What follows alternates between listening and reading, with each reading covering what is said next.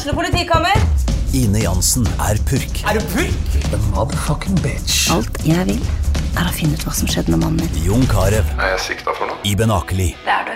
Ole So, Lars Berrum og Big Daddy Karsten. Hvem sin side er du på, egentlig? Anette Hoff, Tone Danielsen, Kommer du fra Afrika? Jørnis Josef, Nesten. Kløfta. Trond Espen Seim, Det er synd å si det, men det var feil mann som døde. Purk. Premiere tirsdag på TV2 Play. Eh, velkommen, eh, kjære venner. I dag har vi ikke André her. I dag har vi eh, Ja, det er digg. ja. I dag har vi Ole So Hei, hei. som vikar for André, og så Ah. begynner vi bare egentlig rett på. Eh, Er det meg som er vikaren til André? ja, fordi Ja, det var litt Jeg skrev Eller jeg sa på podkasten mens André hentet gjest sist gang, måtte jeg ha noe sist, så jeg se- send inn noen forslag på hvem vi kan ha Ja. eh, som gjest neste uke og erstatter, og det var veldig mange som ville ha Lars Berrum. Okay. ingen som ville ha Ole So, så derfor ble du eh, programleder. Ja, Ja. ja. ja. Eh, Det, bra, det. jeg er vant til det. Mm. det velkommen til deg. Velkommen til begge to. men da skal jeg være andre. Da er det meg som avbryter gjesten hele tiden, da? Er det sånn? Ja. det? ja. Ja. ja. Er Eh, og jeg trodde det egentlig var min rolle, for det Ja, Begge er gode på det. Ja, ok. Ja. Ja, men vi har jo noen gjester som, eh, som skravler for mye, vet du. Jeg har ikke gjort det til nå. Nei, du har ikke sluppet til i det hele tatt. Um, velkommen. Takk skal du ha. takk skal du ha. Jeg har jo en historie i den podkasten for å aldri være invitert, men bare bli spurt når eh, folk mangler. Ja, ja, ja. ja. Så det har jo på en måte vært greia mi gjennom deres podkasthistorie. At uh, de mangler folk, og så ser de rundt seg. For Tidligere så hadde de podkasten på Rubicon, så satt jeg der. Så var det flere ganger sånn 'Lars, faen, det hadde vært gøy å ha deg.' Så jeg bare 'Ja, når da?' Helst nå. Fordi det er en som ikke har kommet. Ja, forresten, der kom han. Der Men du er jo så grei, Lars. Du stiller alltid og er så Ja, ja, ja. snill eh, fyr. Og så er du ikke så skummel å spørre heller. Nei. Eh, For du er ikke noe sånn primadonna og kjip fyr. Nei, det er fordi at jeg ikke har kommet meg såpass opp i karrieren ennå. Ja, Du har jo hatt soloshow nettopp, Jeg har hatt soloshow. ja, som går kanskje fortsatt. Jeg er ferdig nå. Ja, Helt ferdig? ja, ja det er så ferdig som det får blitt Ok, det. altså. for det Det, det, er ikke, det er ikke én ting igjen i det showet der. Eh, jo da, nei, er- jeg kunne, jeg kunne spilt kunne jo fortsatt? mer. Ja, men det har litt med at uh, det Jeg skriver jo altså, Nå høres det ut som jeg har lagd jævlig mange soloshow, men akkurat når jeg lager soloshow, så er det litt sånn eh, Jeg må ha en sånn drivkraft innvendig sånn, eh, som kanskje ikke kommer frem på scenen, men sånn, eh, litt sånn eksistensielt meg inni der. Og den, det showet handla, var bygd mye på eh, meg og der jeg var nå i et forhold. Det har, Jeg har jo ikke et forhold lenger. Nei. Og eh, da eksen min har jo litt sånn voice i det showet. Jeg snakker eh, en del bits Stemmer som handler om meg og da, eks, da kjæresten min. Ja. Eh, så jeg kan jo egentlig gjøre det om, men jeg er veldig, kanskje litt for sært opptatt av at det må være genuint. da. Så det føles ikke så genuin, genuint å eh, gjøre det showet der. Og så er det ikke sånn at det er et stadionshow som går og tjener masse penger heller. Så det er noe som ikke er så fristende med å dra ja, til Fauske, da. Det var ikke sånn storproduksjon hvor folk mister jobben siden du gir deg Nei. Uh, Og det er ingen som har uh, s- Instagram min har ikke gått varmt uh, sånn 'kommer showet'? hit og hit. Det har det heller ikke. Så det går ut i stillhet, det der. Ja. Jeg har filma det, så jeg skal slippe det på YouTube. eh. Ja, du har det! Ja, Så bra! ja. For det er et veldig morsomt show. Ja, det er et fint show. Jeg er veldig fornøyd. jeg. Ja, jeg Ja. lo masse av det. Jeg syns det er flere sekvenser der som er sånn dødsmorsomme også. Ja. Eh, så da må du få med deg det på YouTube, da. Når Ja. det kommer. Vet du når det kommer, det? da? Nei, altså, vi må jo klippe det og Ja. sånn, da. Ja. Eller lage det. Når du sier vi, når du, sier vi du og noen, eller? Ja, dette her har jo vært eh, veldig sånn uh, indie-opplegg der jeg har gjort alt sjæl og sånn. Så, og når man gjør alt sjæl og venner hjelper deg, så er det ikke noe deadlines da. Det er den vennen som skal klippe det og gjøre det klart, har andre ting å gjøre. så må man vente. Ja. Ja, det er Ja, vanskelig det må å pushe folk som jobber gratis. Det er veldig vanskelig, Ja. men jeg begynner å bli bra på det òg. Var du noe med på det, Ole, å jobbe på det showet? På Lars sitt? Ja. Nei, nei, nei. Nei, okay. For vi var et eller annet sted og jobbet med mitt show, tror jeg. Ja. Og så sa du at du skulle opp og se generalprøven. ja Og da ble så. jeg med opp. Og Ja, det det var var, veldig det var veldig, veldig kult. For man blir jo sånn når man skriver show selv, at da blir man litt mer opptatt av andre show og se hva de gjør. Sånn. Mm. Men du var veldig sånn proff. Du bare hvis, Hvor mange var vi der? Fem stykker eller sånn? Og satt i salen, Du bare leverte varene som om det var full sal. Og det var veldig gøy, så man fikk virkelig se hvordan Ja. showet egentlig er, da. Men jeg er ganske god på det. Jeg hadde stått da i tre måneder aleine i det rommet og levert det, som om det skulle vært publikummer der. Ja. Og så har jeg jo møtt Jeg ikke Jeg har jo vært steder der det ikke var mer enn fem, så det er jo viktig for meg å eh, levere for fem, for det kan være realiteten der ute. Absolutt. Ja. Men eh, du er jo ikke hacky. Når du snakket om den indre drivkraften, og sånn, så er det vel ingen som kan si at Lars er hacky. Eh, det er vel et uttrykk vi bruker om eh, komikere som tar litt enkle vitser og Mm. Ja, er snarveier og kopierer litt og tar litt sånn gammelt eh, Kvinnfolk er, er så smarte, mens vi mannfolk vi er bare kåte og sinte. Ja, nei, Eh, det- det Der er er- ikke du helt. Det, det er ikke det showet, nei. Kanskje neste. Kanskje neste. Eh, så, men uh, når du sier når det er så vanskelig for deg å liksom bare uh, For de fleste vil jo bare at det blir slutt med dama, det spiller ingen rolle. Nei. De vil jo bare hatt dame i gåseøynene i to år til Ja. og bare spilt det showet, men du, du bare klarer ikke det, liksom? Eh, nei, jeg, jeg, kan, jeg hadde jo greid det hvis det hadde vært et sånn, en standup-greie jeg skulle gjort eh, eh, et kvarter her eller der eh, på en klubb, for, for eksempel. Men akkurat det soloshow eh, for meg, i hvert fall til nå, da, har vært veldig personlig drevet. da. Eh, så det, da sliter jeg litt med det. Så det er kanskje, kanskje en sånn ulempe med måten jeg har jobba frem det showet på. da. Kunne du gjort sånn julelatter og sånn? Eh, jeg kunne Det er sikkert at jeg er hacky, men Jeg kunne jo sikkert gjort det, det er liksom sånn, eh, men jeg har jo ikke gjort det. du har ikke rent ned døren heller for å få lov til å gjøre det? Nei, det har jeg heller ikke. Nei. Nei. Men det er, jeg, jeg har jo sett alle julelattershowene, da. Og Mhm. jeg syns jo det er litt sånn eh, Jeg har egentlig aldri Det er jo mange komikere som er veldig sånn eh, Legger egentlig sin stil eh, som et grunnlag for om man liker andre ting eller ikke. Skjønner du litt hva jeg mener? Ja. At eh, Hvis jeg er en sånn type komiker, så liker jeg de type komikerne. Og så kan man liksom, i hvert fall i miljøet, finne på i anførselstegn da, hate andre folk eh, som har andre stiler, og hackiness og Ja. enkle løsninger og alt sånn. Men jeg kan egentlig sette pris på eh, et bra julelattershow. Nå- Ja, det er litt det som folk sier. Det er veldig mange som tillegger Dag Sørås veldig mye hat. Ja, sånn, er, Fordi ja. han har en ganske sånn stil som er sånn og sånn, og så er det veldig mange sånn hvis du, For vi står alltid bak i rommet, og så kommenterer de som er på scenen. Det er veldig mange sånn Og det der hadde ikke Dag Det hadde ikke Dag likt. Og så, mange som ja. ja, altså Dag er jo ikke en sånn superpop. Han liker jo bare ting som er morsomt. Han, han kan jo like skikkelig harry ting òg, han. ja, ja, ja. Men det er fordi han har den stilen, så tror alle at han ikke kan like noe. Ja. Så var den vel kanskje mer eh, eh, Man mye mykere med alderen og får mer forståelse, så han var mer, sikkert mer provokativ. Altså, jeg syns å huske han da jeg starta, for han hadde holdt på lenge da. Ja. Og da var han vel mye mer sånn provokativ eh, eh, Det er faen meg ræva. altså, Ja. Ja, det er jeg hater trynet, jeg, jeg orker ikke å være sammen med deg. Men er ikke alle det i begynnelsen? Jo, jo, jo. Er ikke det uansett hvem du er? Og jeg syns det er Så- synd. altså Det mangler, Er det- ja. mangler den nye generasjonen. Det var mye mer hat. Ja. Det er litt mer punk, da. Ja, altså, trenger, ikke å, trenger ikke å uttale Man er jo venner, men liksom sånn, mer sånn driv med bare sånn Faen! Han eller hun gjør så jævlig Mm. enkle veier. Det skal jeg faen meg Jeg skal faen meg ta vanskeligere er veier. det er så blurred lines nå med, med standup og TV og, og eh, litt sånn eh, Altså humornjø-siden som på en måte òg Det er veldig mange humornjø-komikere som òg står på latter. Altså, Ja, ja, ja. Det, altså Ja. Linjene viskes ut, da. Det er nok sikkert litt vanskeligere også, fordi du kommer inn som ganske sånn fersk, og så bare 'fy faen, jeg skal bare gjøre sånne vitser', så har du fem minutter materiale, og så blir du sendt Ja. på jobb, og så merker du sånn 'helvete, jeg må, må tilpasse meg publikum litt her rundt omkring', og så Ja, ja. må du ta en liten hacky vits, og så 'å, dama mi', og så 'fy faen, hun Ja. ble sinna', så, og så begynner de sånn.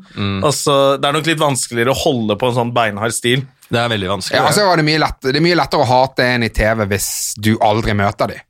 Ja. Sånn som det var i begynnelsen. ja. Mens nå er jo det altså TV-folk er jo det, de krysses hele tiden, liksom. ja.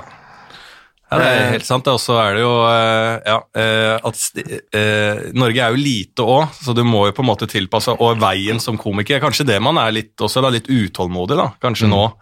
At eh, man må veldig fort finne en stil, da. Eh, fordi det går så mange tog hele tiden eh, i dag eh, kontra kanskje for bare seks år siden. Med TV-ting og tilbud og 'vil du være med i det talkshowet', eller 'vil du være med på Camp Culinaris', eller sånn. Det går så jævlig kjapt, da, hvis du Ja. gjør det litt bra på standup-scenen.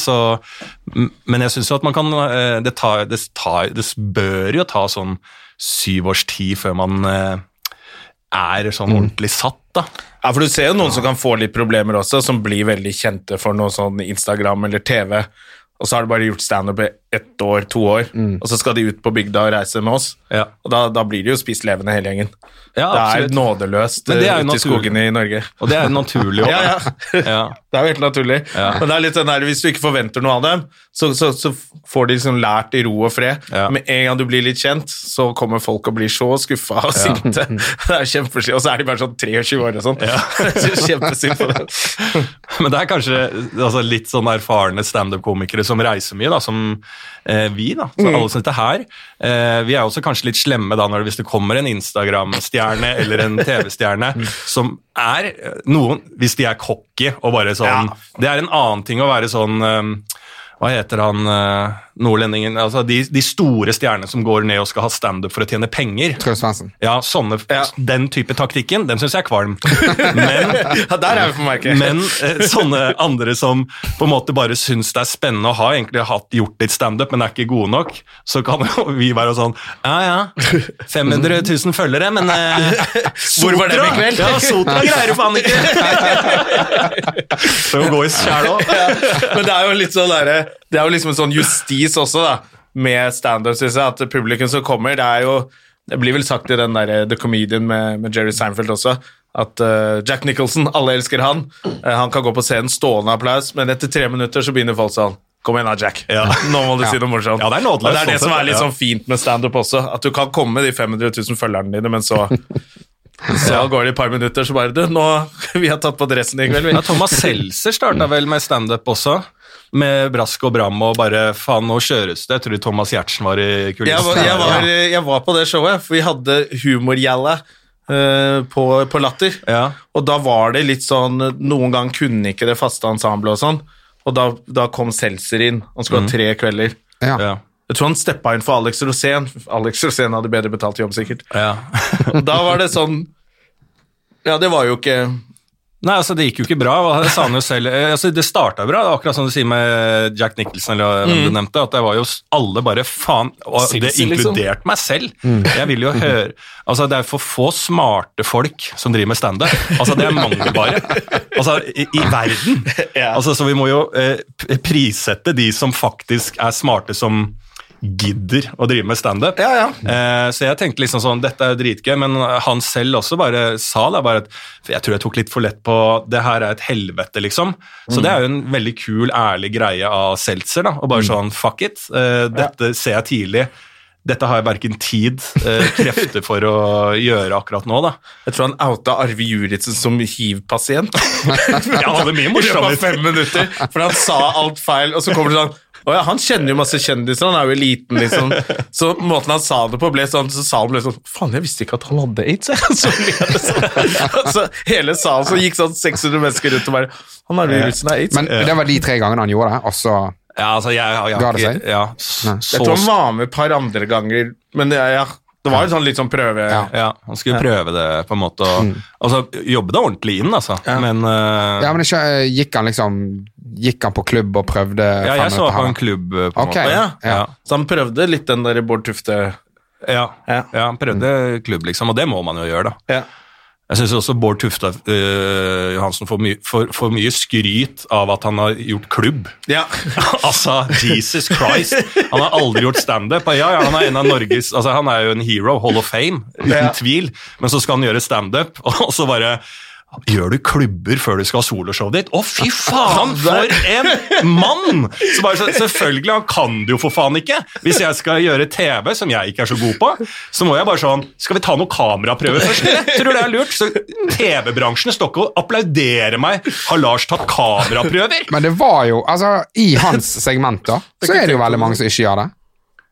Ja, ja, ja. ja. jeg altså, men det hvis, er det. hvis, men hvis du vil at det. skal bli bra, så må du jo gjøre det. Hvis du vil eh, at det skal være bra på scenen, da. Altså noenlunde, Ja, da. Også ja. en veldig Han gjorde jo det i en veldig eh, Han tok sort belte på eh, tre måneder, Mm. Så det var jo sånn intensiv eh, klubbgreier òg, da. Eh, absolutt. Men eh, Jeg har ikke tenkt over det sånn hvor, hvor mye hyllest han fikk for å lære seg noe. Er, det er som, ja, Hvis du skal spille en konsert, da. Han tok gitartimer! Ja, ja, ja, wow! og hele, altså det, og det synes jeg Det er ingenting kritikk mot Bård Tufte, han gjør jo alt riktig, men det er jo kritikk mot standup-miljøet, som er så svake at de sitter og gråter fordi en humorlegende tar faget vårt i anførselstegn på alvor.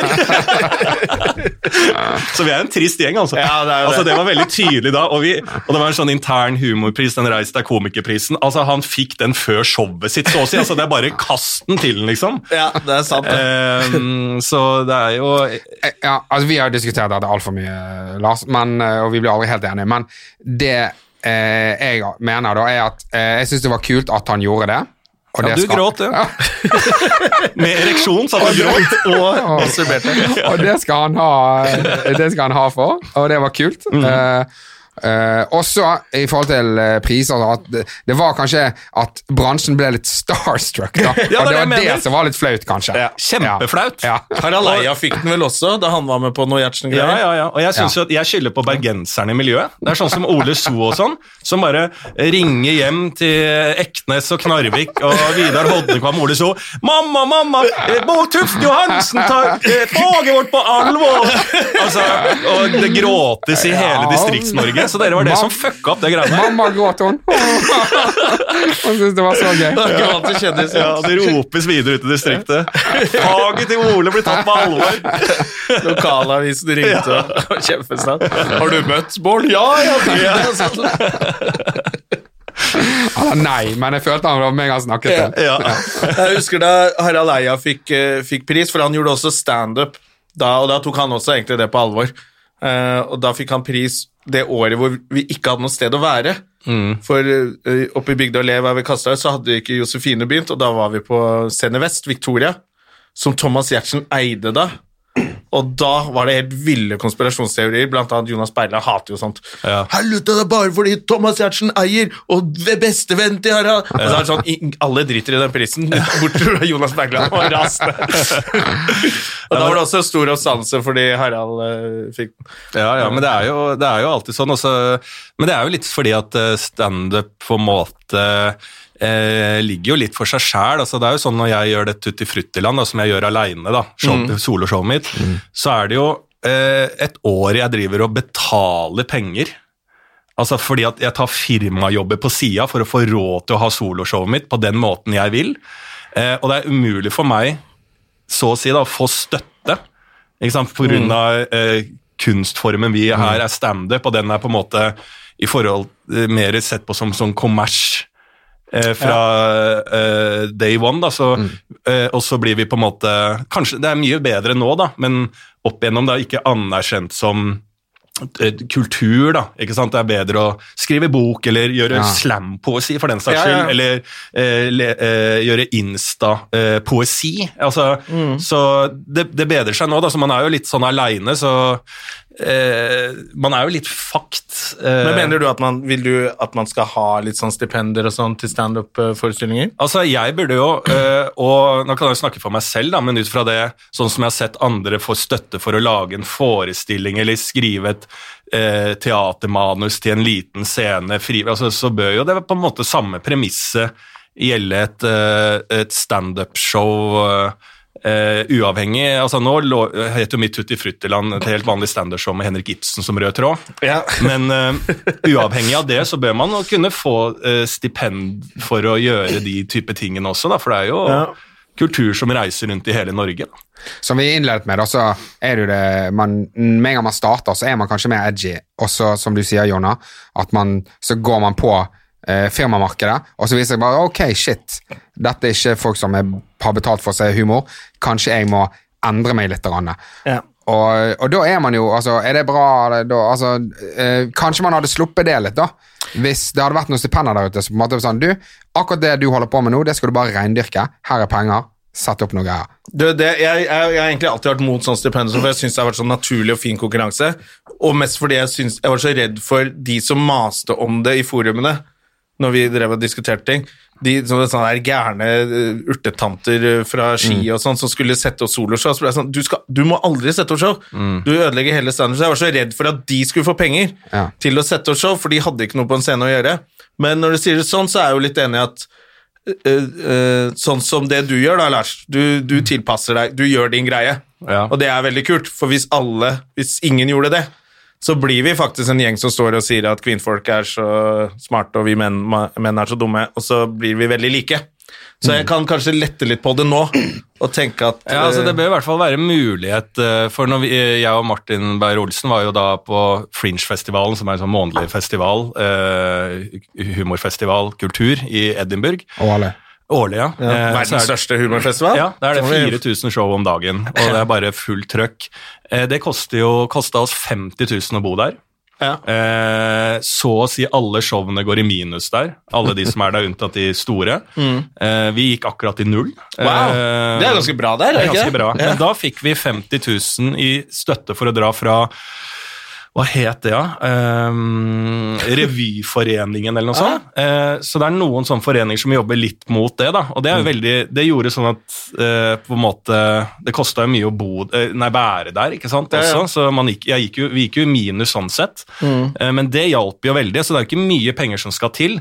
Men jeg vet det er lettere Dette er en, en påstand jeg kaster litt ut, da, men hvis vi hadde vært et ensemble som gjorde teater eller impro, eller som hadde sånn tettere opp til kultur for å dra ned dit, så tror jeg det hadde vært lettere og flere steder vi kunne søkt om penger. da. Ja. Ellers er det bare at vi er jævlig dårlige til å søke penger. Da. Det kan også... Ja, for det, er, det var litt det jeg var så redd for, at det er noen sånne jævla flinke damer rundt omkring.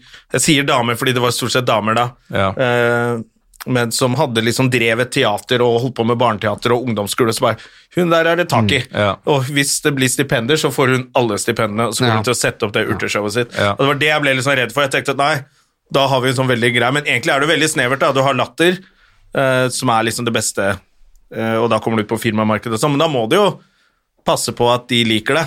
Mm. Det er jo litt sånn som Dag Sørås i gamle dager på Latter. La oss snakke om abort! Alle bare helvete. Ja. Så ble det sånn rar stemning. Eh, så kanskje, kanskje jeg skal Jeg er nok litt mer på den. Men jeg, stipender eller jeg syns jo det er eh, Det har jeg sagt tror jeg, tidligere her òg, at eh, standup i Norge har jo aldri vært bedre og mer variert. da, Og det er jo noe jeg alltid Mm. har liksom syns har vært den beste tingen vi kan utvikle oss om, at vi er forskjellige. da, Så er det jo litt sånn fortsatt på utsida at folk definerer standup-sjangeren ut fra, da, f.eks. Truls Svendsen sitt show. Eh, og det er jo egentlig bare slapt håndverk av journalister og alt sånt, for de gidder ikke å sette seg inn i det. Eh, fordi i teater så ser de veldig tydelig forskjellen på Charlie og sjokoladefabrikken eller Og en musical. ja, og en musical og, eh, og noe som skjer på Blackbox eller på Nationaltheatret. Altså, de ser jo forskjellene der, da. Men det gjør de, gidder de ennå ikke å gjøre i standup. Og det bør de jo gjøre. Og det var jo det som var litt irriterende før også, da jeg husker da jeg begynte, jeg var ikke den første generasjonen, men da var det veldig uklart, folk visste ikke helt hva, og da var det liksom masse sånn skuespillere som hadde hatt one-man-show. Ja. Og så er det jeg som alltid har drevet med Nils Vogt, og, de bare, ja, jeg er jo den første stand-up, og da ble vi veldig sånn, men faen da, vi er jo stand-up-komikere, og de driver med noe annet, og du måtte skille på, så man ble veldig sånn beskyttende overfor sjangeren da, Ja. og så ble man veldig redd for at noen skulle komme inn, sånn som Truls Svendsen og vanne ut litt kvaliteten. Jeg tror det var derfor jeg var så mot den der, eh, de der stipendene. Men nå er det, det piker jo nå med at uh, de store stjernene har skjønt at det er penger å tjene, fordi det er én mikrofon og en lydmann. Ja. Og folk ser ikke på TV mer. Nei, og det bare Folk er keen på å se Hva var det Truls Svendsen f.eks. solgte? Satte i gang salgsrekord. før ja. premieren, tror jeg. Og det, man kan jo ikke ta fra han det. Nei, altså, det er ikke no, tror- faktisk ikke noe, noe kritikk Jeg tror i 2019 så la de ut alle showene hans i 2020, og så ble det utsolgt før han traff 2020. Ja, fy faen. Og det er terningkast to i VG. Eller en av de Ja, avisene. akkurat det liker jeg litt. At ja. terningkast ikke har noe å si. Ja, det, det Ja, så Det er er også en positiv ting. sånn, å, nei, men da går vi ikke. Fordi en i VG sa det. De bare, vi liker Truls. Ja. ja da, men det er jo Truls, for Truls er større enn VG. eh, VG. ja. men han er det. Ja, ja, ja. Truls er større enn terningkast fra Ja, ja. VG. Mens uh, mange er ikke det, Nei. og er avhengig av en god terning. Ja, ja. Hvis uh, ja, jeg for eksempel, hvis jeg hadde et sånn anmeldt show, og det hadde vært én, da hadde folk kommet. Eh, Men uh, man nedover i hierarkiet av kjendiseri, så er man jo veldig sårbar på de terningkastene. Det er derfor man vil at kulturanmelderne som anmelder standup, skal ha litt mer kunnskap. da. Ja. Og så er det jo litt den der Jeg, jeg tror vi snakket om Vi hadde sånn møte for mange år siden med Reisa komikerklubb, hvor jeg har invitert Mona Levin, uh, moren til André, også, og en fra Dagbladet og en fra VG, som var sånn sjefsanmeldere på alt sammen. Uh, og bare, å, dere gir så... Ingen av oss som hadde noe show, og Tommy Steine var den mest kjente av oss, liksom. Uh, men da sa de bare at vi anmelder ikke amatører. Eh, og det tenker jeg også at de kan tenke litt på når noen setter opp et show. Ja. Altså, er, Konkurrerer du opp i tri, Truls Svendsen-klasse her nå, Mm. eller er det kanskje litt mer sårbart å få en terningkast eh, to for Ja. en eller annen ung fyr som har satt opp et show på, hvor det er 50 stykker i salen? liksom? Ja. ja, det er helt sant. Men samtidig så jeg jeg, jeg er også litt sånn, de, de showene som går på Latter i Storsalen, Mm. at de ikke blir anmeldt, det syns jeg er litt dårlig. Veldig mange av de får bare For da setter du opp en salgsmaskin, store plakater, også noe, en eller annen sånn kjendistryne, og så skal det jo være en slags guide til folk. Hvilke show bør du gå på, Mm. hvilke restauranter bør du gå på, her er det lureri, her er det overpriset. Og da, Jeg syns ikke de største teaterne skal bare slippe unna. Vi bare sette opp en sånn her kjendisplakat, Ja. og så bare selge ut. Da syns jeg anmelderen har en jobb å gå og si om dette er bra eller ikke. Altså, det, men det har jo ikke noe å si. Eh, Truls Svendsen fikk to, og han selger som bare faen. Ja, Truls Svendsen, han kan gi faen, men det er, altså, billettene koster jo 500 kroner, da. Eh, på de største teaterhusene og sånn, og kulturhus og sånn, så er det litt sånn okay. Det er ikke alle du, som har råd på, til det. du ser på anmeldere som sånn eh, som et sånn Forbrukerjournalister. samfunns... Uh, Ja. Avisen er jo det. ja, okay. Jeg ser på litt som forbrukerjournalistikk. Ja. At uh, skal du velge et show i år, gå på dette. Når de skriver det, så er det sånn Ok, da kan familien gå og bruke eh, Fordi folk, folk har ikke så mye penger overalt. Altså. Det er 1000 kroner bare for deg og kona på billetter. Ja, altså hvis, Kom med drikking, ja. hvis du med har, drikke, så skal du ha drikke, og så skal du ha noe Jeger. Ja, middag. middag. Ja, middag. Ja. altså, hvis du har lite penger og har barn og ikke, altså For guds skyld, gå nå ikke på live altså, Jo, en berikelse. Liveshow er kjempeviktig. ikke, ikke gå på Bærums show hvis du sliter med å betale regningene dine. Jo, det er jo bra show, for det det er kosta, jo- det kosta 200 spenn. Det er 200 spenn, da får du masse for pengene. Så akkurat det burde du faktisk sjekke ut, for det er det eneste du har råd til. Men det er liksom det er liksom, det er Og det er alltid plass. Kan komme, kan komme på dagen. Ja. Møte opp i døren. Ja. Hvis jeg er heldig, så sier jeg bare ja, bare gå i drit og betal. Men Lars, kan du ikke fortelle litt om Fordi jeg så på Instagram for et par uker siden, Ja. så er jeg innom å, å gå gjennom lista og se på stories, og plutselig så ser jeg at du og Bayern er tilsynelatende i utlandet, får jeg inntrykk av, Ja. og holder på med noe guida tur på et museum. Ja. Og da ble jeg sånn What the fuck? Og så setter jeg meg Hva faen er det jeg driver med? Og så får jeg noe sånn nonchalant Jeg er bare i San Francisco. Så bare, det kan ikke Hva er det for noe? Og så prøvde jeg å snakke med Beieren Bayern på, i bursdagen til Sigrid, men han var jo så opptatt. Ja. Så jeg har ikke fått historien ordentlig. Nei. Hva faen var det som skjedde? Hva, hva dreiv dere med? Ja, hva vi dreiv med i San Francisco. Vi hadde, Da er jeg tilbake til Edinburgh, Fringe. Der hadde vi et show som het uh, Kultur Elité.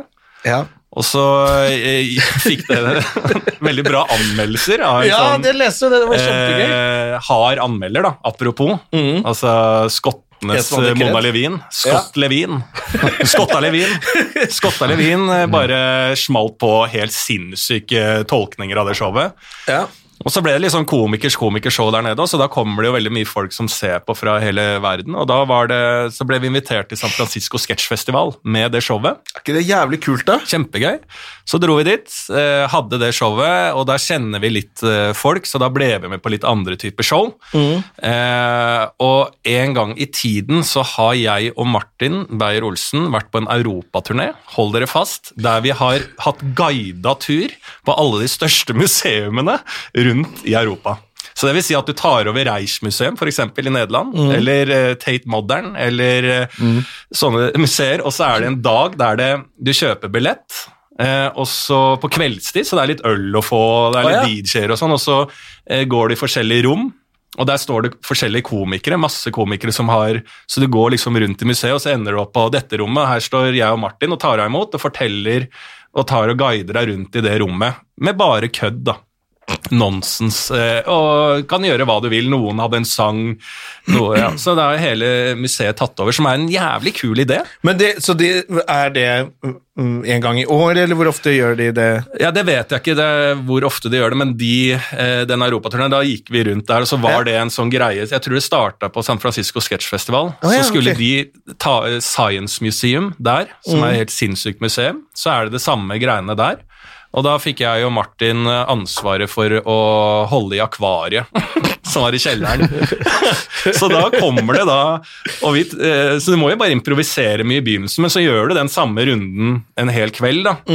Eh, og vi tok litt lett på det, men liksom som første pulje kom, så var det liksom 100 i hver pulje. For det var liksom 4000 besøkende, en veldig populær greie, da. Ja, ok. Eh, som er egentlig en kul måte som eh, norske museer også liksom for å dra inn folk. Ja. Munch-museet gjør mye kult, eh, eller gjorde da før det ble flytta, med DJ-er og alt sånn.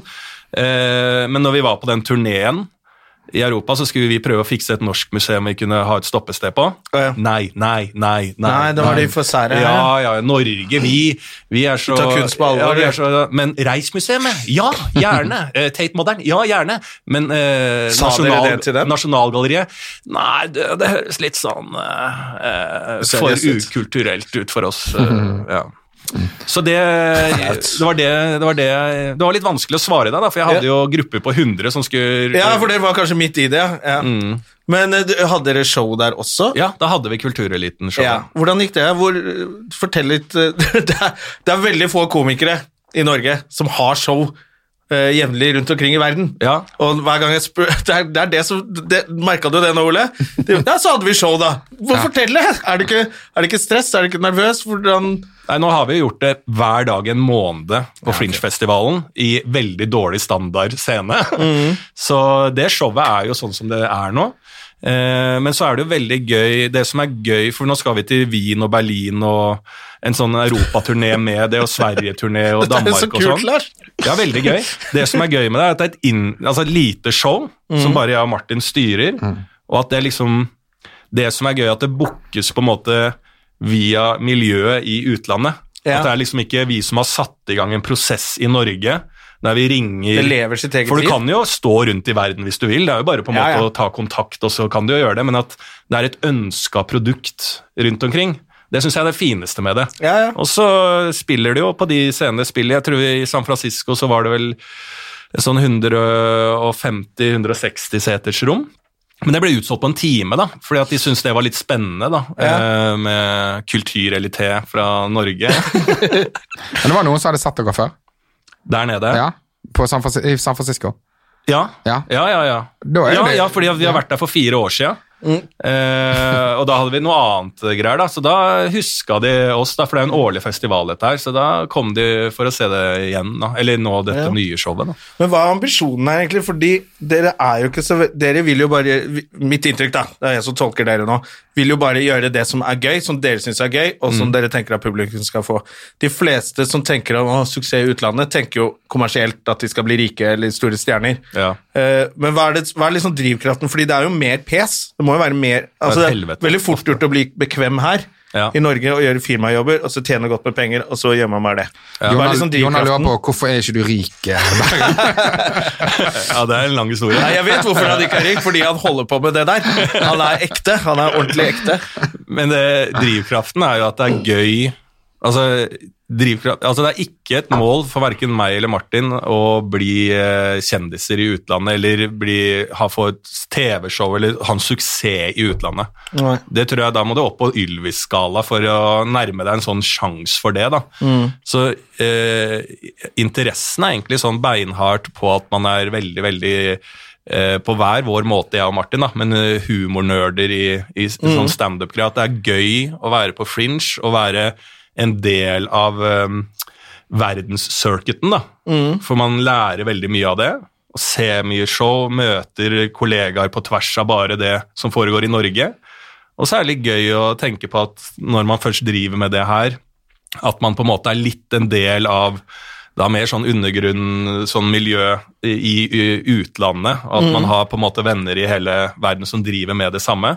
Så det er litt sånn litt for å teste hvor man ligger, litt for å ha det, rett og slett bare ha det gøy med det, og at det er morsom, eh, morsomme turer, morsom historie og gøy å teste. Altså, det er både humorfaglig og venn, vennskapelig. Er, Drivkraften skjer jo også veldig mellom meg og Martin. Da. At det hadde nok vært verre å dra, gjøre dette sånn aleine rundt omkring, men at man får de opplevelsene sammen som et vennskap, da, eh, er jo veldig gøy. Og så er det tilfeldig med det kultureliten at det gikk bra der, at det Ja. kan bookes rundt, og da er det bare å bli med på det, og så er det det, og så er det så er det, ja, Jeg er litt sånn romantisk på det at Kultureliten, som det het, som starta i Oslo, eh, som vi bare gjorde sjæl eh, ja, Hva ble det? Ti forestillinger på Parkteatret, og så Bergen Tror jeg det var det.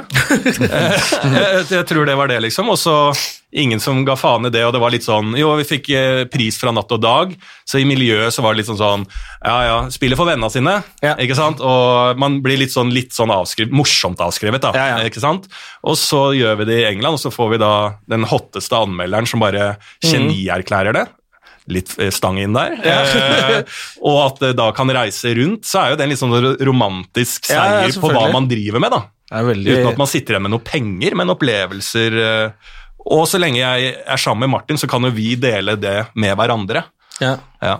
Jeg, synes det, jeg leste eh, en artikkel om dere ja. etter den anmeldelsen, var det vel. Og så var det en artikkel, var det i Aftenposten eller DN eller NRK. NRK. NRK var det. Ja. Uh, ja, for jeg leser bare Aftenposten og DN og NRK, så måtte det være en av dem. Uh, hvor, eh, men da var det så gøy, for dere trakk frem et eksempel med han, derre- han skuespilleren Anders Danielsen Lie, Ja. som hadde tvitret, jeg hadde ikke fått med meg den greia, som hadde tvitret Er det noen steder i Paris hvor man kan få tak i bra kaffe som ikke er altfor hardt brent? Ja. Og så hadde hun svart hun derre Mar Mario Larsen. Mar- Mar- Marit ja. Larsen, tror jeg. Marit. Larsen. Ja, Marit Larsen, ja. Det er ikke til å tro, tro det eller ei, jeg har aldri fått en god kopp kaffe i den byen der. og da var det sånn, det er kultur. Altså hva, Når du føler at hele verden skal se det, og så åpen, Ja. at du ikke skjønner at du er helt på trynet da. Ja. Det synes jeg var sånn, Da holdt jeg på å le meg, og da skjønner jeg liksom, da, da er det gøy å lage et show rundt ja. Hvor pretensiøse folk Og så var det da, Vi lagde jo det showet i 2016, liksom, når Trump begynte å bygge seg opp, og det var den veldig store sånn eliten. Ikke sant? Så Mm. Ja, ja. bare syntes vi det var gøy med liksom, Det var så mye snakk om eliten, og hva er eliten, og så jeg har laget et show rundt det, var, jeg synes ja. var gøy. Og det står seg egentlig ganske greit i dag. Men må, i utlandet så har vi ikke Anders Danielsen Lie-referansene. Nei. Selv om han er internasjonal. ja, han er internasjonal, kjent fra Franske 22. filmer. Ja. Franske filmer Ja. om kaffe. Kanskje vi, når vi skal ha show i Frankrike, da kan vi ta Anders Danielsen Ja, ja, ja.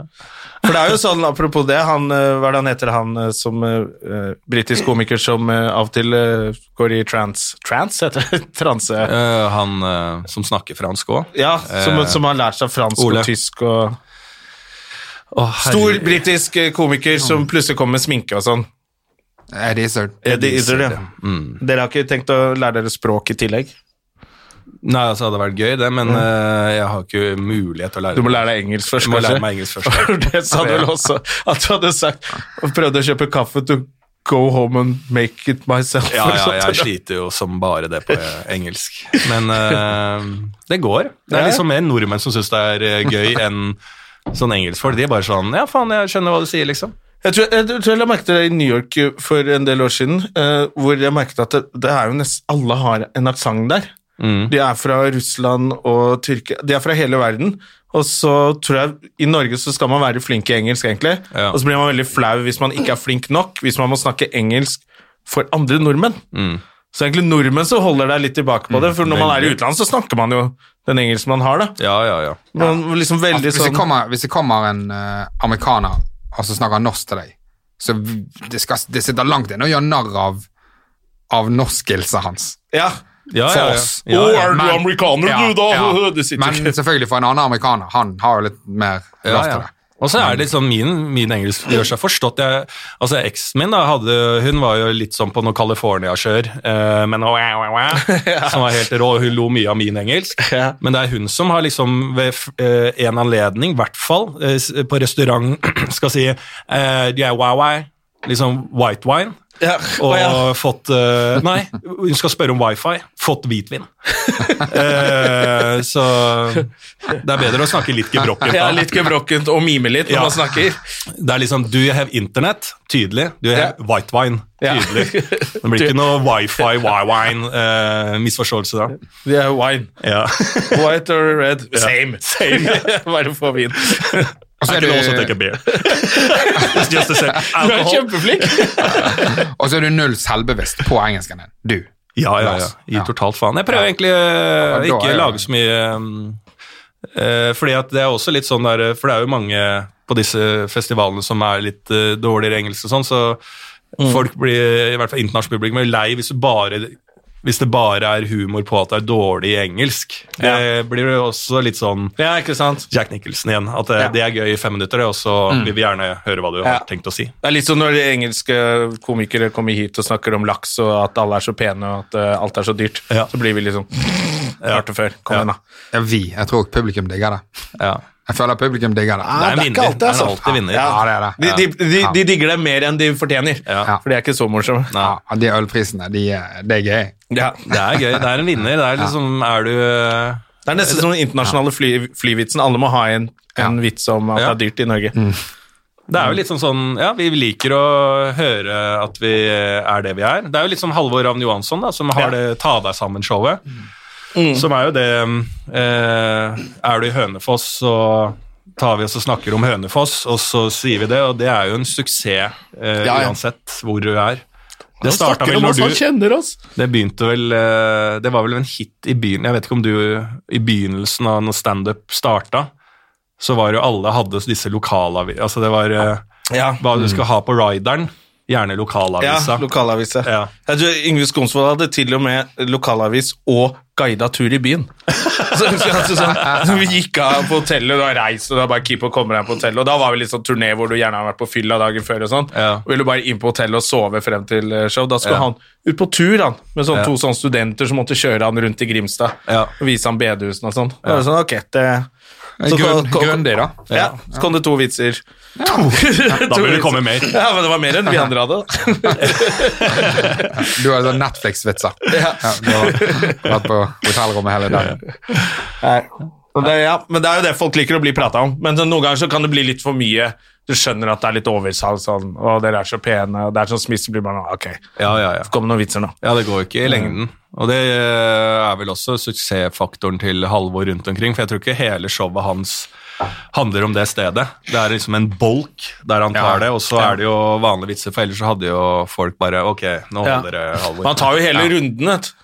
Så alle sitter og ler av de andre i Norge, og så kommer han til dem, og så blir det sånn Husker vi var på en eller annen studentjobb hvor, hvor det satt en og lo så mye av Halvor, for han dreit ut alle. ikke sant? Tar den Ja. runden, den har blitt lengre og lengre, den vitsen. Det er jo dialekter i Norge. Ja, dialekter i Norge. Mm. Og så kom han, og så sa han et eller annet om Halling... Ja, så kom han til den om Hallingdøler, og da bare Nei! Klikka han fyren, da. Det tålte han ikke. For det, han var fra Hallingdal, da. Ja, ja. Han ville ikke høre om seg sjøl. Veldig hårsår på, på egen eh. Men når er dere drar videre, da? Ut i verden? Eh, nå Før sommer så skal vi på en sånn Sverige-turné med det Kultureliten. Eh, og så tror jeg vi skal prøve å eh, ta liksom hele greia til høsten. Eh, at vi samler det pga. Martin, som er da en eh, mer profilert del av duoen, har eh, TV-kontrakt, så han må være til stede. Ja, for han bytta ut deg med Mikkelsen. Stemmer. Ja. Så eh, de har jo spennende ting på gang. Det hørtes ikke noe bittert ut. Spennende, det. Ja. Ja, det er veldig gøy, for jeg, jeg vet ikke om jeg har fortalt det Jeg har sikkert ikke fortalt det her, men da ja, Det kan jo sies, da. Jeg har jo vært veldig lite bitter på det greiene der. Eh, litt fordi at det, det kan jo høres ut som at jeg og Martin liksom lagde et program, og så skal vi lage et nytt, og så er det bare sånn Jeg gleder meg, Martin. Ja, én ting. Du er ikke med. Nei, Martin Mikkelsen er, nei, Christian Mikkelsen er inne. De gikk jo inn i Underholdningsavdelingen. Ja. Eh, og så gikk det jo noen år der, og så ble de satt sammen. Og det er full forståelse for det. Jeg hadde gjort akkurat det samme hvis jeg var NRK-sjef. Eh, få ut han som ikke kan spille én karakter, og så tar vi inn en som har talent. alle karakterer Ja. og dialekter. Men da de skulle ha sitt første program, så skulle jeg steppa jeg inn for å skrive for dem. Ja. Og så satt vi jo der da og syntes det er gøy at jeg da skriver for en ny duo. ikke sant? Så det er mye humor på det. Og så sa jeg jeg bør jo varme opp, for det var studioshowet deres. Jeg bør jo varme opp publikum. For det er litt gøy at nå er det dere to, og så er det han som er skvisa ut, som varmer opp publikum. Ja. sånn. Og det er litt sånn gøytrist, da. Ja. Og det var jo faen, det hadde vi gøy over øl og sånn, så det ble det. Ti Ja. programmer, jeg, eh, eller seks eller hva det er, jeg varmer opp uh, publikum. Kjempegøy, og så skal jeg gjøre det, da. Så det er første gang, da.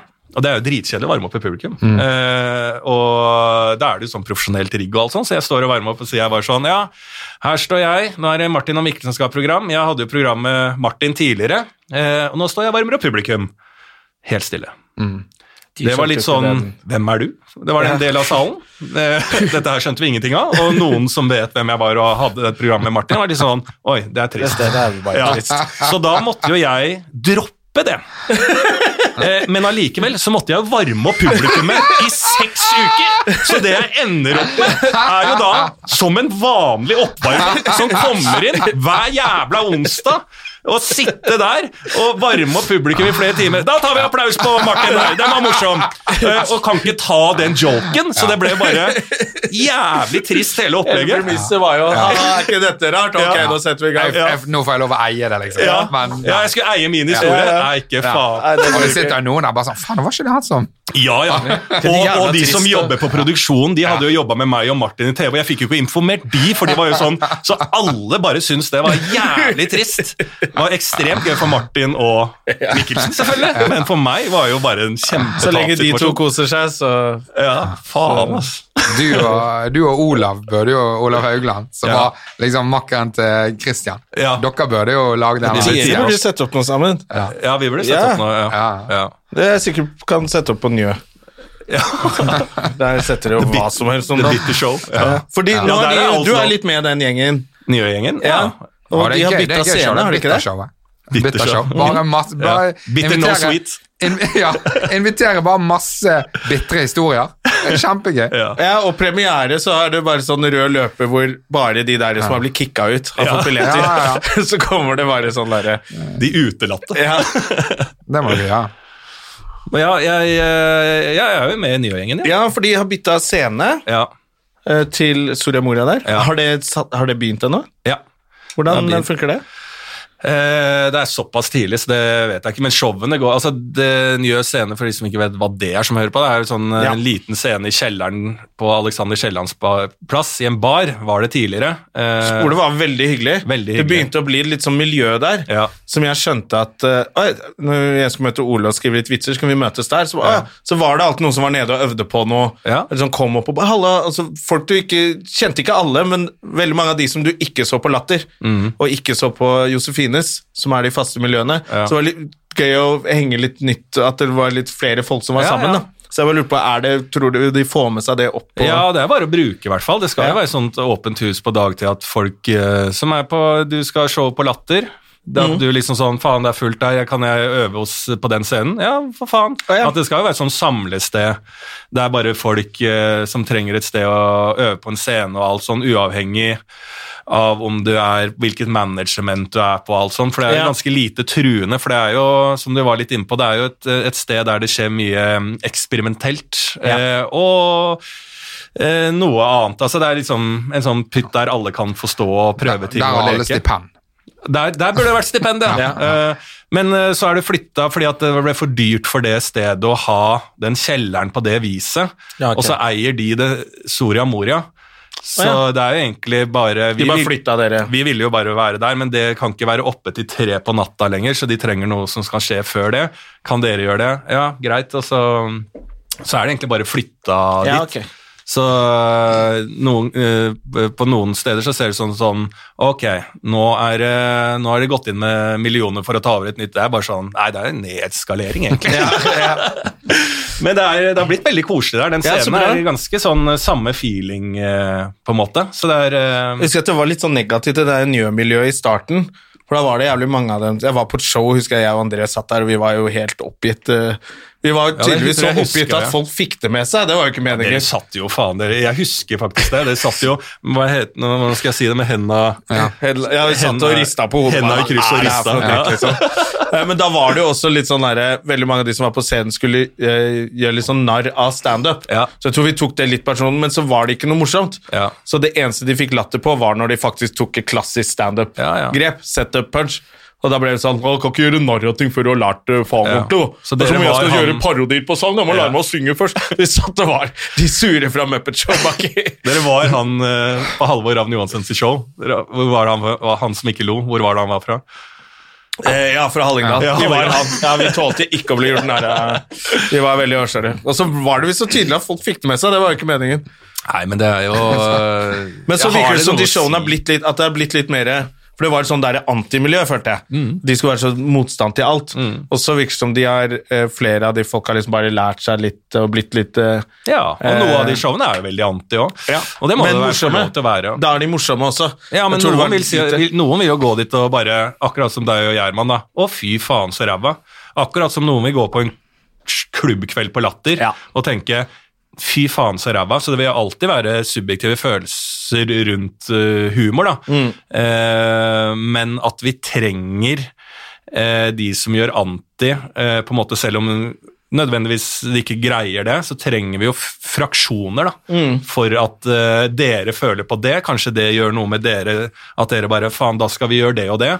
Altså, det, det er jo litt den sparringa og fraksjonen i miljøet man egentlig trenger. da. Så trenger man litt at, gjør- øh, at man gjør narr av den, øh, den konferansier Da er det flere som gjør litt narr av den konferansierrollen. Ja, hvem er dere? Er dere et par, eller? Ja. Hvor lenge har dere vært sammen? Da? Hun rister på huet, og han i hu, hu. Ja. Den der, og så merker jeg sånn, Oi, det har jeg gjort mange ganger. Ja, ja. Og det funker, men ja, kanskje jeg kan se litt på meg selv, utvikle meg, prøve noe nytt. Ja. Så man, man driver hverandre fremover, da. Ja. Så det har blitt veldig mye mer sånn der, er glad kan i gjøre, altså, jeg, jeg har gjort det eh, nesten siden jeg starta disse konferansiergreiene. Men jeg, har, jeg gjør jo det nå, på ekte. Og jeg har jo lyst til å bli best på det. Jeg er konferansier hver gang jeg er på Latter. Og da eh, har jeg jo lyst til å bare snakke med publikum og bli fuckings best på det. Ja. Sånn at jeg kan liksom gå inn og bare løfte taket hvor som helst som konferansier. Eh, men jeg må jo også se på hva den rollen er i det på en måte standardiserte standup-sjangeren. Og den må man jo på en måte kunne bryte ned, da. Ja, i hvert fall eksperimentere med den. Sånn. Du skal være Ja. litt frekk, men alle skal trives. Ja. Og alt det skal være trygt og varmt eh, rom, liksom. Men eh, da, man kan gå litt i de samme triksene. Ja. Eh, så er det gøy å altså. Jeg husker det var en eller annen sånn tråd på det forumet på Facebook, hvor det er en eller annen som skulle gjøre en jobb som konferansier. Mm. Og så skrev jeg sånn Ja, ja, hø, hø, nå skal vel jeg si er, hvor lenge har dere vært gift, bla, bla, bla. Er det noen andre eh, triks jeg burde ha? Så var det komikere heiv seg på med alle klisjeer fra konferansierrollen, ha-ha, og gjorde narr av det. Så tenkte jeg sånn, alle de som har skrevet, så tenkte jeg sånn, ja, skulle likt å se de prøve uten å bruke noen av de triksene her. Ja. Det tror jeg hadde gått til helvete. Ja. Så man må liksom bare innse at åh, det er litt Det, sånn det som er provoserende i den greia der, er jo eh, hvis folk disser noe som de ikke mestrer, på en måte. Og, det, og hvis man får følelsen av at det er derfor de disser det. Ja, det er det er jo det da. som er irriterende. Jeg tror det var det jeg og han andre Muppet Show-kompanjongen min Ja. satt og Ja. var sur for. Men det er det jo alltid, altså du, og der er det jo en forskjell på de som eh, på en måte er best i en, hvis man skal kalle det antihumor eller en brytende stil. Det er jo ikke alle som liker den tagtegnen antihumor, men Nei. eh, de som er gode, får jo alle til å le også. De som er dårlige, så blir det bare kleint. Akkurat som en eh, mainstream standuper. da. Eh, De som er gode, er jo gode, og de som faktisk eh, har for dårlige vitser på eh, forskjell på kvinne og mann, er jo ræva for publikum òg. Ja. Så er forskjell her, men jeg liker jo litt egentlig at sånn som du og Gjerman er der og er liksom forbanna, da. For det er jo litt sånn følelser, da. Jeg tror at vi, kan, vi kan også ha litt sånn høyere skala for det, for vi sitter, du sitter jo og snakker om det, og så ler du av den reaksjonen dere hadde der. Ja. Eh, og så, eh, men jeg, det eneste som jeg syns er kjedelig altså Jeg syns det er bra at dere er der. Ja. For det er ikke mange som er det. Altså, Gå heller og se det og ha negative følelser eller engasjement rundt det. Ja. Men det er for mange i komikermiljøet som ikke ser man må se alt, liksom. Jeg blir litt Eh, flinkere- er jo- det- flinkere til Det det gjelder jo. Njø-miljøet òg. Hvor Ja. mange har de, de som dere så da, vært på Latter en klubbkveld? Sikkert ingen. Nei, det det, er jo kritikkverdig mot de òg, Ja. Så det ehm, Og dette er jo noen år siden, Ja, ja. eh, så jeg, føler at det er blitt litt mer sånn som vi om, at de miljøene sklir litt sammen på Njø der. Ja, at det er liksom folk fra forskjellige byråer, forskjellig eh, management eh, som møtes der. Så jeg tipper at det var litt kanskje det Morten Ramm ville også da han starta dette opplegget. Ja, det tror jeg, ja. Som jeg tror er bare Det gagner alle. I hvert fall scenebiten er i hvert fall jeg er veldig opptatt av at eh, eh, som på en sånn nye, nye scene, da. At det er liksom sånn Josefines er jo også en klubb der det kommer De, De har sin på en måte mangeårig sjargong med å få opp nye eh, i deres på en måte med kurs og det type ting. Ja. Og så mangler man kanskje det totale fristedet der som kan appellere til en revisor som egentlig ikke har gjort standup, eller altså via via, inkludert med eh, en latterkomiker, inkludert med det særeste man kan få der. Altså bare en sånn mash-up av forskjellige ting i alle mulige uh, sprik, da. Det er det det kan bidra med til humoren Oslo, da. Ja. Og så er det det derre crap opp på park, Ja. som er Jeg tror ikke jeg har vært på et eneste show der. Nei. Jeg jobber alltid når det er. Ja. Det er jævla irriterende, for, da er jo, for det er jo en del av de komikerne som som Noen av dem står på Latter også, Ja. men da er alle opptatt på Crap Up på Park, og jeg blir ikke invitert så da står jeg alltid på Latter. Jeg tror det er min teori. Så jeg aldri så jeg, jeg har kommet opp én gang, og da var det sånn Takk for meg! Som helvete! Jeg ikke se det. Eh, For der lurer jeg på hva som foregår. Det er liksom, eh, jeg har ikke skjønt ideen, jeg har ikke skjønt jeg vet Og det var tiårsjubileum nå. Ja, jeg vet det. Jeg har aldri fått vært der. Jeg- Der, har jeg veldig lyst til å dra en gang, så jeg håper at planeten står riktig. Eh, For det er vel flere ganger i året, er det ikke? Nei, én gang. Det er bare én gang. Siste helgen i januar hvert år. Den, ja, det har nettopp vært, da. Da hadde du jobb. Da hadde jeg jobb. ja, det har jeg aldri fått med. Men det er jo ganske mange ting som skjer nå, som er bra. Kjempebra. Uh, uh, og så er det de der Ice Stage som driver på Rockefeller. Ja, John D. Ja, ja, Ja, jeg tror det er Rockefeller. som- Ja, ja, men han- Ja, Rockefeller, Ja, ja, ja. Erlend Osnes og sånn selger jo Ja. doble Rockefeller og sånn. Ja. Og da blir jeg sånn, da skjønner du liksom at det, å ja, det fins flere folk i Oslo som vil gå på for jeg tror de som går på Erlend Osnes på Rockefeller, de er, De er ikke nødvendigvis på ja, de, de er bare fra Nordland, Ja. og de, de, de er banna fra Aker Brygge. Men jeg tror kanskje at det publikummet ikke nødvendigvis er så mye på latter. Ja, det kan godt Eh, hende. og at det er litt sånn derfor man kanskje trenger noe litt lenger på den siden av byen. Men Erlend Osnes har jo bygd seg opp så bra på en eller annen måte, så han har jo så stort publikum. Han hadde vel fylt som bare faen på Latter òg, men nå er jo han i et annet management, så det er vel derfor Ja. han eh, Ja, så det går jo ikke. Nei, det går jo ikke. Men det tror jeg at han hadde fylt som faen jeg på Latter òg. Ja. Tror du ikke? Jeg, jeg sa i går til Ola at jeg tror Jeg, jeg vet ikke. Men eh, kanskje, kanskje han har så trofast Fylle Rockefeller to ganger, så Jeg føler at det, byen er liksom delt opp. Det som, altså, jeg ville jo aldri vært på Aker Brygge hvis jeg ikke jobbet på Latter. Nei. Folk fra Oslo går jo ikke liksom til Aker Brygge, det er jo bare bønder som er der. ja. Eh, Altså På Latter så er jo det Det er jo liksom Alle går jo i pene klær, og så er det fire-fem stykker som går i T-skjorte. ja, det skal jo Og Det er litt som en er de som står på scenen, liksom. ja. Men det skal jo det eh, Latter være òg litt, da. Det er jo Ja, ja. på en måte hva det kalles, og West den- End. Altså, det er jo liksom Ja, men Her det, får det, du det sier noe om, om hvem vi er, Mm, vi som står der. ja. Og sånn som Jonas sier, da, han hadde mest sannsynlig ikke gått på Altså, når jeg, er på, ja. når jeg er på Bryggen, så er jeg på Latter. Ja. Jeg er ikke på noen av de andre stedene. stedene ikke på bort på Bar Bryggen. Tjuvholmen og bare Nei, nei, nei. Nei, Jeg hadde hengt mye på Aker Brygge, hvis det ikke var for at jeg jobba der. For du hadde gjort motsatt av alle, Ja, ja. selvfølgelig. Nei, eh, men, eh, nei, men det, er, det er jo blitt et sånn showhus for hele Norge, da. Ja. At er det du, du er i byen, eller du bor i byen og skal se et show der du, du vet hva du får, og du Mm. har en uh, Den pakka, så er det jo der, da. Og den gjør det jo helt det jo riktig, syns jeg. Kvalitetsstempelet. Ja. Ja. Og det er jo litt sånn hvis du er fra, hvis du er fra bygda og skal ha en Oslo-helg, og bare 'Hei, baby, skal vi se et show i dag?' Jeg har hørt det skjer noen sånne her, eh, nye greier på Njø. Da kan den kvelden bli veldig rar. Det kan bli Mens veldig rar. Jeg har sett eksempler liksom på det. Jeg har sett eksempler på det. Du har det, ja. Fra scenen, faktisk. Ja. Jeg har sett folk i øya fra scenen som er, eh, angrer bittert på å ha kommet ja.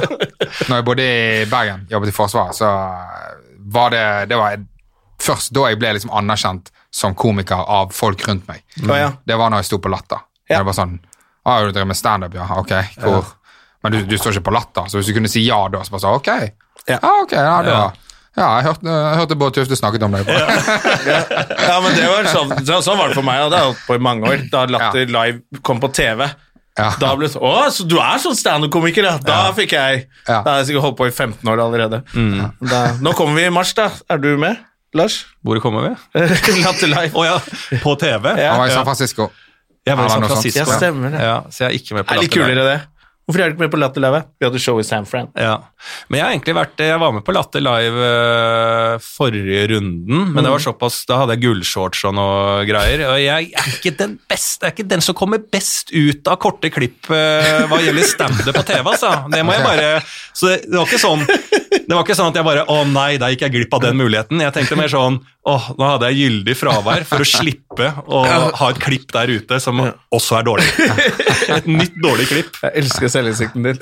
Ja, men det er jo forskjell. Da. Altså, det er jo komikere sånn som um, eh, Som på en måte har uh, klare, tydelige vitser. Ser du på internasjonale klipp som går rundt òg. Mm. Det er jo det som på en måte vinner uh, over til skjermen. da. Mm. På såpass kort tid som Ja, man har der, da. Uh, og det syns jeg uh, Jeg skulle noe, det gikk ikke fordi at dette her, og så endte det med dette. Ja, Veldig Ja. tydelig. ja. ja. Og det er jo noe egentlig å tenke litt på, da. For min del. Hvis du vil ha kommersiell suksess. Nei, men også litt bare sånn at det er jo, det er jo faglig styrke å gjøre det så tight. Det er jo håndverk, det. Det er Ja. håndverk. Mm. Ja. Det er jo på en måte litt snarveier, det òg, at det på en måte ikke er noe punch, sånn som ofte min stil er, at det ikke er noe punch at du drar litt ut. Altså hvis jeg skal være selvkritisk på det, så er jo at Og det jobber jeg litt med, da, for å, å kunne mestre også å ha eh, segmenter, eh, hvis jeg har et annet eh, show, da, der det også er liksom bam, bam, bam, bam. Og så kan jeg dra det ut og være der, men hvis man ikke vil det, så blir man jo, stagnerer man jo bare, da. Ja. Så jeg, det er jo litt snarvei at jeg surrer det til og drar rundt der òg, hvis man skal være selvkritisk, da. For det er jo vanskelig å skrive vitser. Det er veldig vanskelig. Derav litt lett, og derfor man blir litt irritert, for det letteste er jo hvis man er helt ny, fersk i gamet, å gå opp og være anti-stilen. Mm. Og eh, liksom tulle med stilen får jo ofte latter der og da, Ja. men det er ikke, du skal bli veldig god for at det er langvarig suksess. da. Ja, det er jo det også, så man kanskje bare la dem holde på ikke sitte bak og koke Ja. og være, Ja. være sur. For det verste er jo å stå for en vits. Ikke sant? Det er det farligste med det vi driver med. Ja. Ja. Ja. Jeg har ikke gjort det ennå, Og men jeg ser at det er skummelt. Jeg ser på dere når dere står opp. Jeg skjønner at dere, skjønner at dere tør. og gi masse energi på en sånn punch man er usikker på, det er alltid, alltid vondt. Ja. ja. det skal jeg aldri gjøre. Ja, det Jeg har jo det som tagline at jeg er den i Norge som har kommet lengst uten noen gang å ha levert en punchline. det er sterkt. Ja, er det. Er det, kommer, det, kommer det nordmenn på de showene deres ute i, ut i den store Ja. Kommer det Studenter og litt sånn Ja. ja, Så de får, man kan få det med seg? ja. I San Francisco så var det vel en fem stykk. Ja, ok. Eh, og når jeg er i Edinburgh, og så mye studenter, så kommer jeg alltid liksom par- par-tre på showet, eller som har gifta seg eh, der Ja. og alt sånt, så det er jo litt, eh, Kult. det er litt gøy sånn sett. Ja. Jeg tenkte man burde, dere burde ha Jeg burde si fra til alle hvor det siste showet deres er nå før Martin skal på TV-en. Ja. For det hadde vært gøy å dratt ned og sett. ja. Hadde ikke det vært gøy, Ole?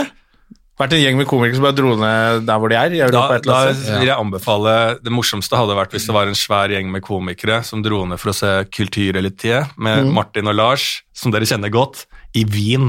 Ja, hadde Det vært i Wien. Nei, ikke heller. og det mener jeg, så dumt kan vi gjøre det, at vi sitter og tar en øl der, og det er vel gøy. Det skal jeg prøve på. Det tenker jeg La må, oss eh, prøve det. ja, må reise litt mer. Du, faen, nå har vi sittet her i eh, over en eh, time. Ja, Ja. shit. Har du lyst til å selge inn noen showbøker, Ole? Nei. Etter at du Nei. har gitt ut? Det, jeg syns vi holdt på lenge nå. Jeg tror vi holdt på sånn 40 minutter. her. Nei, nei. Jeg var sulten før vi begynte. Ja. Ja, Men dere, apropos sulten, dere har jo begynt å trene sammen, eller? ja noen. Ja, ganger. ja. Hvor er dere trener? ja. Skausplass. Skausplass. Er det digge damer der? Nei, altså øh, Tro det eller ei, som singel så har jeg ikke kommet meg dit at øh, blikket er heva opp. Men det kan også ha litt med formen jeg er i. Ja, At jeg prøver, og jeg er jo to meter høy, så jeg prøver egentlig å gjemme meg litt på treningsstudio. Fordi at jeg ligger da Jeg løp intervall i dag, fire ganger fire, på makstempo i åtte. Det drar, Så da vil jeg helst at ingen skal se at jeg er i rommet. Åtte er det Når jeg begynner å varme opp, så begynner jeg på syv, Mm, og så jogger jeg på åtte, ja. Og det er veldig, det er veldig sakte. Ja. Men, eh, men for all del, det er jo freshe, freshe folk der òg, selvfølgelig. Men jeg merker at det er ikke så Det er ikke så pumpete, på en måte. Det er ikke så uh... Det er ikke sånn som Ringnes Park. Nei, det er ikke sånn som For der trente jeg før, og der, var det sånn, der, der kom det sånne damer med så mye tights og og en av de ble jeg litt kjent med. Mm. Så hun bare ah, 'Jeg trener to ganger om dagen', og så skulle jeg være med henne og trene en gang. Og så merka jeg at hun trener jo ikke. Hun bare er her to ganger om dagen. Hun. Ja. Og bare går rundt i sånn deilig tøy. Ja. Og så var det, hun var i Colosseum. kjempedårlig form. Hun var bare slank, da. Ja, det, er ikke, det er ikke. Instagrammete, liksom, Nei. på Skaus, virker det. Nei. Ja, men det er bra. Jeg er på Lambertseter, der er heller ikke det. Og så har, ikke, og har vel eh, verken meg eller deg, Lars, vært der nok til å på en måte Vi skal ikke uttale oss. uttale er En sånn tydelig trend, det er vanskelig. Sist gang vi var der, så løp jeg og Ole 20 sekunder. 10 sekunder av 20 sekunder, altså i åtte ganger. Det er ganske lite. Eh, Ole ble så svimmel, og jeg eh, var også ganske dårlig, så vi måtte gå ut og sitte utafor på bakken for å få frisk luft. Så jeg vil helst ikke se hva slags Da i mitt tilfelle, siden jeg er hetero, hva slags jenter eh, som jeg på en måte skuffer. og som ikke Eller hva slags jenter som blir imponert over det. Ja. det er kanskje, å, han er i god form! Han skal jeg jo komme med. Men jeg har sagt det, jeg har liksom sagt til noen venner bare sånn eh, Ja, jeg har begynt å trene litt på sats. eh, Skausfors. Og så bare sånn det jeg har, jeg har trent masse på sats, aldri sett deg. Ja. Aldri, altså, altså, og da må jeg bare innrømme bare sånn Vinduet for å treffe meg er jo er fryktelig lite. lite. Ja. så du, du kan ha gått der i mange år, du. Du kommer aldri til å treffe meg. Ja. Jeg gleder meg til dere kommer i, kommer i form, så skal vi ta en økt uh, sammen. Ja, det SK ikke om jeg tør. 2020 Det vet jeg ikke om jeg tør. Altså. Det virker som du er i jævlig god form. er grei løpeform nå om dagen. Ja. Jeg Hva vil det si? Hva, hva løper man da? Eller hvis jeg løper fire ganger fire, så vil jeg løpe på 13. Ja, ok. Du løper på 8. Men uh, i forhold til de som er i god form, så er ikke det så imponerende. Nei. Jeg tror de, de kan ligge på 5. Men hva løper, du løper sånn typisk en mil. Og hva løper du en mil på? Ute Ja, 54 eller noe. ja ok. Så jeg løper til Ullevålseter. Ja. Nei, sånn, sånn. det må Det er være- ikke så veldig imponerende. nei, men det må være, det må være Jeg fint. løp maraton på 1,57. Ja. Men da er du og da ble jeg løpt fra av de blinde folka som jeg skulle være guide for. Jeg måtte gi meg på Etter fire kilometer så orka jeg ikke det tempoet deres. Men da er du en løper. Nei, jeg er egentlig ikke det. Det er derfor jeg Oi, jeg, tre, jeg, trente, jeg følte meg skikkelig bra form. Skal løpe Oslo Maraton. Nå skal jeg slå rekorden min, som var på 1,56. Eh, da var jeg fire-fem år yngre. Og det, det klarte jeg ikke. Og nå hadde jeg trent. Så jeg har gitt opp den derre å trene meg i form til å stille i sånn løp og sånn. Det var bare da må jeg, da, det er altfor mye innsats for eh, null resultat. Så jeg, jeg løper for å ikke bli gæren i huet. Ja. ja, det er det jeg også gjør. Ja. Ja. Ikke for å komme i form. Så faen heller, vi er jo på tredemølle. Vi, Ja. kan, jo- man kan jo bare stille sin egen, så kan vi trene sammen allikevel. Men jeg er ikke så gæren i huet som deg, så jeg kan eh, Nei. bli kvitt demonene på litt lavere tempo. Jeg må opp i 13 og lukte på 14 for å liksom klare meg frem til middag uten å slå ned noen. Tusen takk for at dere kom. Ja, veldig hyggelig. Kjempehyggelig. Og så får vi hilse til André og Gustav Nilsen, som eh, sannsynligvis hører på sammen. langt inne i jungelen med eh, ræva full av eh, alt som In- Thailand kan by på. Ja. Jeg så bildet av Gjerman med Ja. en sånn der durag på huet. altså, altså, han han begynner å bli jævlig legendarisk nå. Altså. altså Nede i Thailand der med durag på huet Ja. og bare instar at uh, i dag er det godt for kiting. Ja. Det liker jeg. Så hei, hei, Gjerman. Hei, hei, hei, Gjerman og Gustav og Dora Toralsdottir som de møtte der også. Oh, yes. Ja, ja, så det er jo en, eh, en Bøtteballett, så det. Eh, Bøtteballett. Ja. Skulle til å si trekløver, men det der er en skikkelig bøtteballett. Ja. så lykke til med, til alle i Thailand og eh, håndtere det, og ikke få koronavirus. Nei. Ha det! Ha det. Ha ja, ja.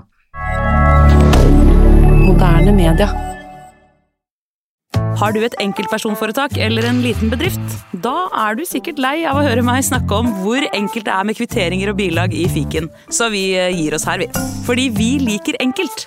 Fiken superenkelt regnskap.